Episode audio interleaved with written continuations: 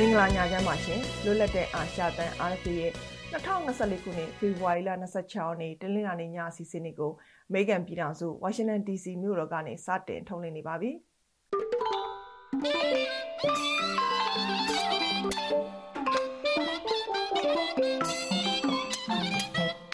ကျမဆမ်းမအောင်ပါဒီပညာစီစဉ်မှာနောက်ဆုံးရသတင်းတွေနဲ့တူရန်ကုန်ကနေရခိုင်ကိုပြန်တဲ့လူငယ်တရာကျော်ကို စစ်ကောင်စီကဖမ်းဆီးထားတဲ့အကြောင်းသတင်းဆောင်မတွေကိုထုတ်လွှင့်သွားမှာပါ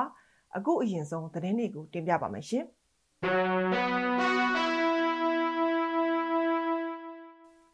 တိုက်ပွဲပြင်းထန်နေတဲ့ရန်ဘဲမြို့ကိုလေကြောင်းနဲ့စစ်ကူလာတဲ့စစ်ကောင်စီတပ်စစ်ကြောင်းကိုဖေဖော်ဝါရီ24ရက်နေ့ကကြားပြတ်တက်ခဲ့ပြီးအလောင်း60ကျော်နဲ့လက်နက်ခဲယမ်းအများပြားတင်ဆက်ရမိခဲ့တယ်လို့ရခိုင်တပ်တော် AA ကမနေ့ညမှာသတင်းထုတ်ပြန်ပါတယ်။အဲဒီစစ်ကြောင်းဟာအနောက်ပိုင်းတိုင်းစစ်ဌာနချုပ်လက်အောက်ခံ AR တိုင်းကြုံပြော်မြို့ခြေဆိုင်ခလာရ36တရင်နဲ့အမ်းမြို့ခြေဆိုင်ခမာရ383တရင်တို့ဖြစ်ပြီးစစ်ကောင်စီတပ်သား120ကျော်ကိုစစ်ရဟရင်၄စီးနဲ့ခုနှစ်ကြိမ်လာရောက်ချပေးခဲ့တာလို့ဖော်ပြထားပါတယ်။စစ်ကောင်စီတပ်ကလည်းတနေ့လုံးနှီးပါလေကြောင်းနဲ့ပစ်ခတ်ခဲ့တာကြောင့်ဒေသခံတချို့ထိခိုက်ဒေဆုံးမှုရှိပေမဲ့အသေးစိတ်ကိုစုံစမ်းဆဲဖြစ်တယ်လို့ AA ရဲ့ထုတ်ပြန်ချက်မှာရေးသားထားပါတယ်ရှင်။စကိုင်းတိုင်းကလေးမြို့ပေါ်မှာတိုက်ပွဲပြင်းထန်နေပြီး ဖေဖော်ဝါရီ21ရက်နေ့ကနေ26ရက်နေ့အတွင်းစစ်ကောင်စီတပ်ရဲ့လက်နက်ကြီးကြောင့်အရက်သား9ဦးသေဆုံးခဲ့တယ်လို့ဒေသခံတွေကပြောပါတယ်။သေဆုံးသူအလုံးဟာကလေးမြို့ပေါ်ရက်ွက်တွေကဖြစ်ပြီးဒဏ်ရာသူတွေရဲ့အခြေအနေအသေးစိတ်ကိုတော့မသိရသေးပါဘူး။စကိုင်းတိုင်းကလေးမြို့နဲ့ချင်းပြည်နယ်အဆက်မှာတည်ရှိတဲ့တီးတိမ်မြို့နယ်ခိုင်ကန်းမြို့ကိုချင်းဒေတာကာကွယ်တပ်တွေကဖေဖော်ဝါရီ22ရက်နေ့ကစားလို့ပူပေါင်းတိုက်ခိုက်ရာကနေစစ်ကောင်စီတပ်နဲ့ဒီနေ့ထိ တိုက်ပွဲပြင်းထန်နေတယ်လို့ဒေသခံတွေကပြောပါတယ်။ဒီတိုက်ပွဲတွေကြောင့်ကလေးမြို့ပေါ်ကဒေသခံ9000ခန့်ဟာဘေးလွတ်ရာကိုထွက်ပြေးနေရပါတယ်ရှင်။ရှမ်းပြည်နယ်တောင်ပိုင်းမှာဖြစ်နေတဲ့စစ်ကောင်စီတပ်နဲ့ပိုးအမျိုးသားလွတ်မြောက်ရေးတပ်မတော် PNL တို့ရဲ့တိုက်ပွဲတလကျော်အတွင်းအရက်သား40သေဆုံးပြီး52ဦးဒဏ်ရာရှိခဲ့တယ်လို့ပိုးလူငယ်အစည်းအရုံး PYO ကဖေဖော်ဝါရီ26ရက်နေ့ဒီနေ့သတင်းထုတ်ပြန်လိုက်ပါတယ်။ ပိုးကိုပိုင်အုပ်ချုပ်ခွင့်ရဒေသဟိုပိုးမြို့နယ်စံဖူးရွာမှာဇန်နဝါရီလ22ရက်နေ့က PNL ရဲ့လက်နက်သေးလာတဲ့ကားတန်းကိုစစ်ကောင်စီတပ်ကတားဆီးခဲ့ရာကနေတိုက်ပွဲတွေစတင်ခဲ့တာပါ။ဒီကာလအတွင်းစစ်ကောင်စီတပ်ကလေကြောင်းတိုက်ခိုက်မှု293ကြိမ်ပြုလုပ်ခဲ့ပြီးလက်နက်ကြီးနဲ့အကြိမ်800ကျော်ပစ်ခတ်ခဲ့တယ်လို့ထုတ်ပြန်ချက်မှာပါရှိပါတယ်။ဒီတိုက်ခိုက်မှုတွေကြောင့်ဘာသာရေးအဆောက်အုံ12လုံးအပါအဝင် အဆောက်အုံ109လုံးပျက်စီးခဲ့ပြီးအရက်သား9000ကျော်ထွက်ပြေးနေရပါတယ်ရှင်။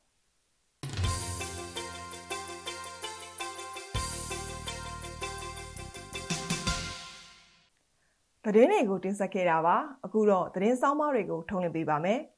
ရန်ကုန်ကနေရခိုင်ကိုပြန်တဲ့လူငယ်100ကျော်ကိုစစ်ကောင်စီက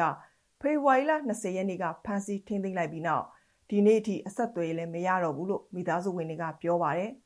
သူတို့ကိုအမြန်ဆုံးလွှတ်ပေးဖို့ကိုလည်းတောင်းဆိုနေကြပါတယ်။ဒီအကြောင်းကို RFA သတင်းတောက်မတ်ရင်မျိုးသူတင်ပြထားပါတယ်ရှင်။ ရန်ကုန်မြို့ကနေရခိုင်ပြည်နယ်ကိုပြန်ဖို့ကြိုးစားတဲ့ရခိုင်လူငယ်100ကျော်ကိုစစ်ကောင်စီတပ်ကဖေဖော်ဝါရီလ20ရက်နေ့ကရန်ကုန်တိုင်းရွှေပြည်သာမြို့နယ်မှာရှိတဲ့စစ်ကောင်စီတပ်စစ်ဆေးရေးဂိတ်တစ်ခုမှာဖမ်းဆီးထိန်းသိမ်းခံလိုက်ရပြီးတဲ့နောက်ဒီနေ့အထိအဆက်အသွယ်မရဘဲပျောက်နေတယ်လို့မိသားစုဝင်တွေက RFA ကိုပြောပါတယ်။ သူတို့ဟာအောင်မင်္ဂလာအဝေးပြေးကားကွင်းကနေကား၃စီးနဲ့ထွက်လာခဲ့ပြီးတဲ့နောက်ဖမ်းဆီးထိန်းသိမ်းခံခဲ့ရတယ်လို့အဲ့ဒီလူငယ်တွေအရေးကူညီဆောင်ရွက်ပေးနေတဲ့လုံခြုံရေးအရာဘွဲ့အမည်မဖော်လို့တဲ့ဦးစင်းတပါက RFA ကိုမိန့်ပါတယ်ရန်ကုန်ထဲမှာကိုဖမ်းလိုက်တာသွားသုံးစီးအဖမ်းခံရတဲ့အထဲမှာဦးစင်းလိုက်လို့ဆောင်ရွက်ပေးနေတဲ့ကားနှစ်စီးမှာတော့လူပေါင်း90နဲ့100ကြားမှာရှိတယ်နောက်တစ်စီးနဲ့ဆိုတော့100ကျော်တာပေါ့နောက်ဆုံးပြီးလိုက်ရတာကဖမ်းတာကိုပဲပြီးလိုက်တာလေ ဒီကြားထဲဝင်တော့လို့ရှိရင်ပြန်မထွက်လာဘူးဆိုတာဒါမှဦးစင်းတို့ကဖမ်းတာကိုသိလိုက်တာလက်ရှိမှာတော့သူတို့ကိုရန်ကုန်တိုင်းလှိုင်သာယာမြို့နယ်ကစစ်ကောင်စီတပ်ထဲမှာထိမ့်သိမ်းထားတယ်လို့သိရပေမဲ့အဆက်အသွယ်တော့မရသေးဘူးလို့ဆိုပါတယ်ဖန်စီထိမ့်သိမ်းခံထားရတဲ့လူငယ်တွေဟာအသက်18နှစ်ကနေ30ကြားအရွယ်ရှိပြီးတော့မြေပုံမင်းပြမြောက်ဦးကြောက်တော်စတဲ့မြို့နယ်တွေကဖြစ်ပါတယ်။သူတို့ဟာရန်ကုန်မြို့ကအထည်ချုပ်စက်ယုံတွေဖက်နှက်စက်ယုံတွေနဲ့တခြားစက်ယုံတွေမှာအလုပ်လုပ်ကင်နေကြတဲ့သူတွေဖြစ်ပြီးတော့စစ်ကောင်စီကစစ်မှုထမ်းဥပဒေကိုအသက်သွင်းပြီးတဲ့နောက်ရက်ကွက်ကဧည့်စင်းမပေးတော့တာတွေဖမ်းဆီးခံရမှာကိုစိုးရိမ်တာတွေနဲ့အလုပ်အကင်အဆင်မပြေတော့တာတွေကြောင့်မိမိနေရက်ကိုပြန်လာကြတာလို့လဲဆိုပါတယ် အဲ့ဒီအထဲမှာမြေပုံမြို့နယ်ရောရှောင်းဒေသရွာသားရကျေးရွာကလူငယ်10ယောက်လည်းပါသွားတယ်လို့အမည်မဖော်လို့တဲ့မိသားစုဝင်တဦးက RFA ကိုပြောပါတယ်ကျွန်တော်တို့ရွာကကလေးတွေက14ယောက်ပါသွားတယ်ယောက်ျားလေးက4ယောက်မိန်းမလေးက10ယောက်ဒီနေ့တည်းသူတို့တွေနဲ့လည်းအဆက်အသွယ်တစ်ခုလို့လည်းမရသေးဘူး။ညမှာလည်းသူတို့ကအထည်ချုပ်တဲ့စက်ရုံတွေမှာရေဖနာစက်ရုံတွေမှာအားလုံးရတော့ရန်ကုန်မှာပဲအလုပ်ပေးနေကြတာသူတို့တွေဟာ သူတို့တွေဟာရန်ကုန်မှာအလုပ်လုပ်ပြီးတစ်ဖက်တလန်းကနေမိသားစုကိုကူညီထောက်ပံ့နေတဲ့သူတွေဖြစ်တယ်လို့ပြစ်မှုကျူးလွန်သူတွေလည်းမဟုတ်တာကြောင့်အမြန်ဆုံးပြန်လွတ်ပေးစေချင်တယ်လို့လည်းဆိုပါတယ်။ဖမ်းဆီးခံထားရတဲ့အထက်မှာရခိုင်လူငယ်တရာကျော်လဲပါဝင်နေဆိုတာကိုအကူအညီပေးနေသူတွေကအတီးပြုတ်နိုင်ပေမဲ့ဘယ်မျိုးကဘဏ္ဍဦးဆိုတာနဲ့အမည်အသက်အရွယ်စတဲ့အသေးစိတ်အချက်လက်တွေကိုတော့မသိရသေးပါဘူး အခုလိုရန်ကုန်ကနေရခိုင်ကိုပြန်တဲ့ရခိုင်လူငယ်တွေကိုစစ်ကောင်စီတပ်ကဖမ်းဆီးတာဟာရခိုင်လူငယ်တွေရခိုင်တပ်တော်အေးတဲကိုရောက်သွားမှာကိုစိုးရိမ်လို့ဖြစ်နိုင်တယ်လို့လည်းရခိုင်စီရေးလိလာသူတွေကသုံးသပ်ကြပါတယ်။ရွှေပြည်သာမြို့နယ်မှာလူငယ်တွေဖမ်းဆီးထိန်းသိမ်းခံထားရတဲ့ကိစ္စနဲ့ပတ်သက်လို့အသေးစိတ်မေးမြန်းနိုင်ဖို့စစ်ကောင်စီပြောခွင့်ရသူဗိုလ်ချုပ်စောမင်းထွန်းကို RFA ကဒီနေ့ဖုံးဆက်သွယ်မေးမြန်းဖို့စ조사ခဲ့ပေမဲ့လက်ခံဖြေကြားတာမရှိပါဘူး။ ရခိုင်တပ်တော် AA ကတော့စစ်ကောင်စီတပ်ဟာရန်ကုန်နဲ့မန္တလေးစတဲ့မြို့တွေမှာရခိုင်လူမျိုးတွေကိုလူမျိုးရေးအမုန်းတရားတွေနဲ့ဥပဒေမဲ့ဖမ်းဆီးတာစစ်သားစုဆောင်းတာညှဉ်းပန်းနှိပ်စက်တာချင်းချောက်ငွေညစ်တာတပ်ဖြတ်တာတွေနေ့စဉ်ကျူးလွန်နေတယ်လို့ဖေဖော်ဝါရီလ20ရက်နေ့မှာထုတ်ပြန်ထားပါတယ်။ ဒါကြောင့်ရခိုင်ဒေသနဲ့မြန်မာနိုင်ငံရဲ့စစ်ရေးအခြေအနေအရအဲ့ဒီမြို့နယ်တွေမှာတင်းချောင်နေမဲ့အစားရခိုင်တပ်တော်အေးထိန်းချုပ်ထားတဲ့နေရာတွေမှာပြောင်းရွှေ့နေထိုင်ကြဖို့ကိုလည်းတိုက်တွန်းထားပါတယ်ရှင်။ RFA ကဆက်လက်ထုတ်လွှင့်နေပါတယ်။ကြောက်စိန်တူးပေါ်မှုကဝင်ငွေအမြောက်များရနေတဲ့ကချင်ပြည်နယ်ဖားကတ်မြို့မှာ2024ခုနှစ်စမ်းပိုင်းကစပြီး KIA ရဲ့စခန်းသိမ်းတိုက်ပွဲတွေပိုပြီးပြင်းထန်လာသလိုစစ်ကောင်စီဘက်ကလည်းလက်မလွတ်ရဖို့ကြိုးစားနေတယ်လို့ဒေသခံတွေနဲ့ နိုင်ငံရေးလေ့လာသူတွေကပြောပါတယ်။ဒီသတင်းကို RFA သတင်းထောက်မထထအိမ်အောင်တင်ပြထားပါတယ်ရှင်။ကြောက်စိမ့်တူးတဲ့လုပ်ငန်းတွေကနေဝင်ငွေအများအများရနေတဲ့ကချင်ပြည်နယ်ဖားကန့်ကြောက်စိမ့်မော်ကို KIA ရောစစ်ကောင်စီကပါထိန်းချုပ်နိုင်ဖို့ကြိုးစားနေပြီး2024ခုနှစ်နှစ်စမ်းပိုင်းကစလို့တိုက်ပွဲတွေပိုပြီးပြင်းထန်နေတယ်လို့ဒေသခံတွေနဲ့နိုင်ငံရေးလေ့လာသူတွေကပြောပါတယ်။ ကချင်လွန်မြောက်ရေးတပ်မတော် KIA နဲ့ပြည်သူ့ကာကွယ်ရေးတပ် PDF ပူးပေါင်းတပ်တွေကဖားကတ်မြို့အဝင်အထွက်အတွက်အရေးကြီးတဲ့စစ်ကောင်စီတပ်မ33အောက်ကဝေခါဗျူဟာကုန်းကိုဇန်နဝါရီလ20ရက်နေ့မှာတင်လိုက်ပြီးတော့နန့်တိန်တပ်စခန်းကိုဖေဖော်ဝါရီလ2ရက်နေ့မှာတင်လိုက်တာလို့ပြောပါရယ်။ဒါကြောင့်ဖားကတ်မှာ KIA PDF ပူးပေါင်းတပ်တွေကပို့ပြီးစီရေးအရှိန်မြင့်လာတာတွေ့ရတယ်လို့အမည်မဖော်လို့တဲ့ဖားကတ်ဒေသခံတအူးကပြောပါရယ်။ ဒီဇန်နဝါရီလထဲမှာတိုက်သွားတဲ့ဝေခါစကန်သိမ့်တိုက်ပုံမျိုးအဲဒီဖေဖော်ဝါရီထဲမှာထပ်တိုက်တဲ့နန်တိန်ဖြူဝကုန်းဆိုတာစစ်တပ်ဆယ်စုနှစ်နဲ့ချီပြီးတော့အထိုင်ချထားတဲ့ဖြူဝကုန်းတွေဖြစ်ပါတယ်ဒါကြောင့်ဖားကန်ကိုတော်လှန်ရေးတပ်တွေပို့ပြီးထိန်းချုပ်နိုင်သွားပြီလို့အမည်မဖော်လို့တဲ့ဖားကန်ဒေသခံတယောက်ကလည်းပြောပါတယ်။ KIO သတင်းနဲ့ပြန်ကြားရေးတာဝန်ခံပုံမှုကြီးနော်ဘူးကို RFA ကမေးကြည့်တဲ့အခါမှာ view ဟာပိုင်းဆိုင်ရာပြောလို့မရပါပဲ။စီရေးကတော့တင်းမာနေသေးတယ်လို့ပြောပါတယ်။ တပိုင်းဆိုင်ရာလူခပိုင်းဆိုင်ရာကိုတော့ကျွန်တော်တို့တရင်ဌာနဖြစ်နေတဲ့အတွက်ကျွန်တော်တော့ပြောတယ်အလုံးတည်မြင်နိုင်တဲ့ခြေနေရဆိုတော့ဘာမှသူတို့ကတော့မရှိဘူးအဲစိတ်ရဲ့ခြေနေကတော့တင်းမာတဲ့အနေထားတော့ဖြစ်ပါတယ်စစ်ကောင်စီနဲ့ KIA တို့ကြား2024ခုနှစ်ဖေဖော်ဝါရီလအတွင်းတိုက်ပွဲပေါင်း35ကြိမ်ဖြစ်ပွားခဲ့ပြီး ဖားကန်ကစခန်းနှစ်ခုအပါစခန်းပေါင်း10နေရာကိုသိမ်းနိုင်ခဲ့တယ်လို့လည်းပုံမှုကြီးနော်ဘူးကပြောပါတယ်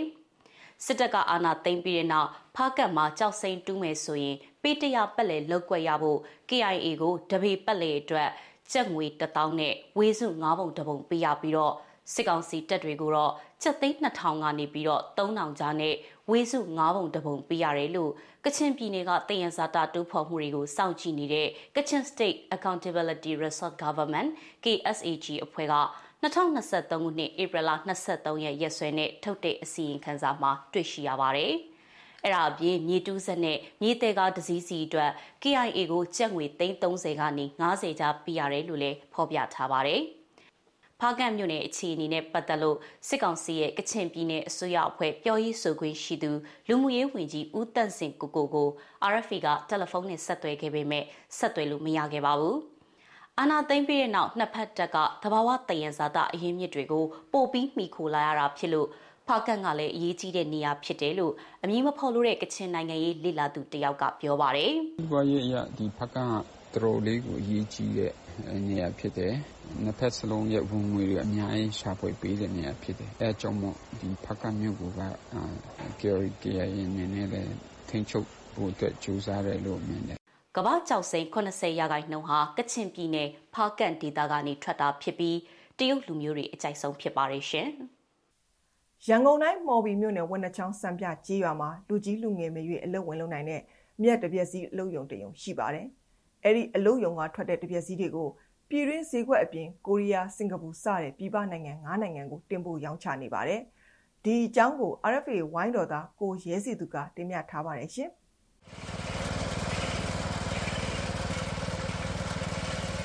ပဲခူးရိုးမရခိုင်ရိုးမနဲ့ AR တိုင်းပတ်တွေမှာအလေးကျပေါက်တယ်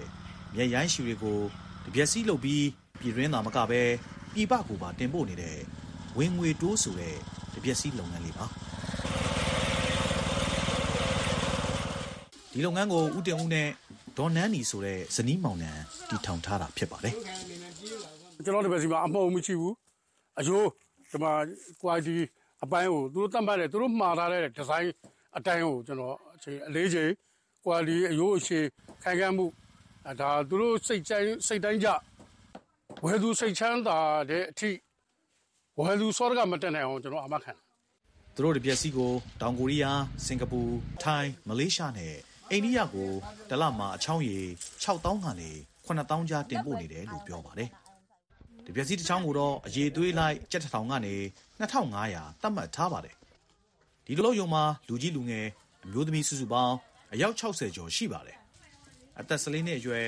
မပိုးပေါ်ဝါဆိုတဲ့မိန်းကလေးကတော့မိသားစုစောင့်နေရေးအခက်အခဲကြောင့်ငားရမ်းနဲ့ကြောင်းထွက်လိုက်ရပြီးဒီမှာအမြဲတမ်းအလုပ်ဝင်လုပ်နေတယ်လို့ပြောပါတယ်။ ဒီရွာမှာကျတော့ဒီမိသားစုတွေအဆင်မပြေတာလည်းရှိရလေအဆင်ပြေဒါပေမဲ့ຫນွေရဒီကျတော့ပညာရအောင်လို့အလုပ်လုပ်ပေးတာမိဘကိုကူပေးတာလည်းရှိတယ်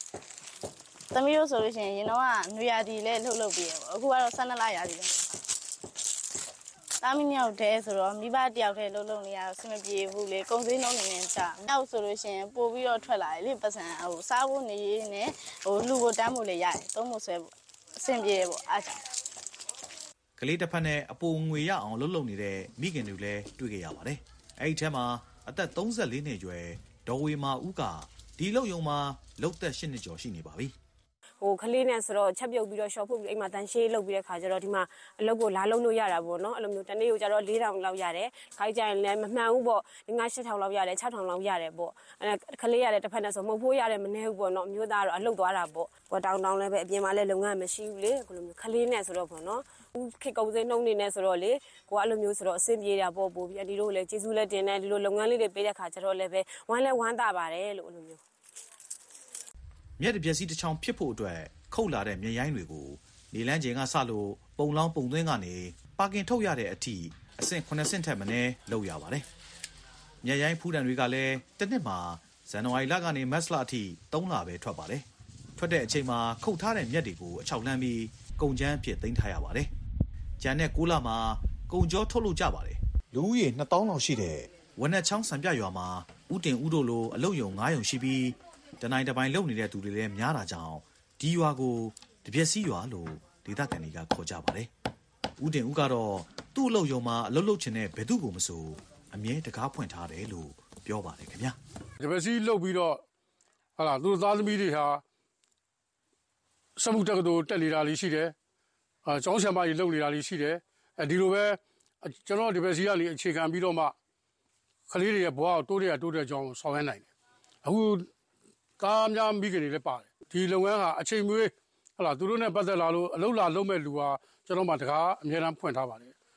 RFA ရဲ့တလင်းလာနေညပိုင်းစီစဉ်တွေကိုဒီမှာပဲရန်နာပါရစေမြန်မာပြည်သူပြည်သားတွေအားလုံးဘေးရန်ခတ်သိမ်းကင်းဝေးကြပါစေရှင် You have been listening to Radio Free Asia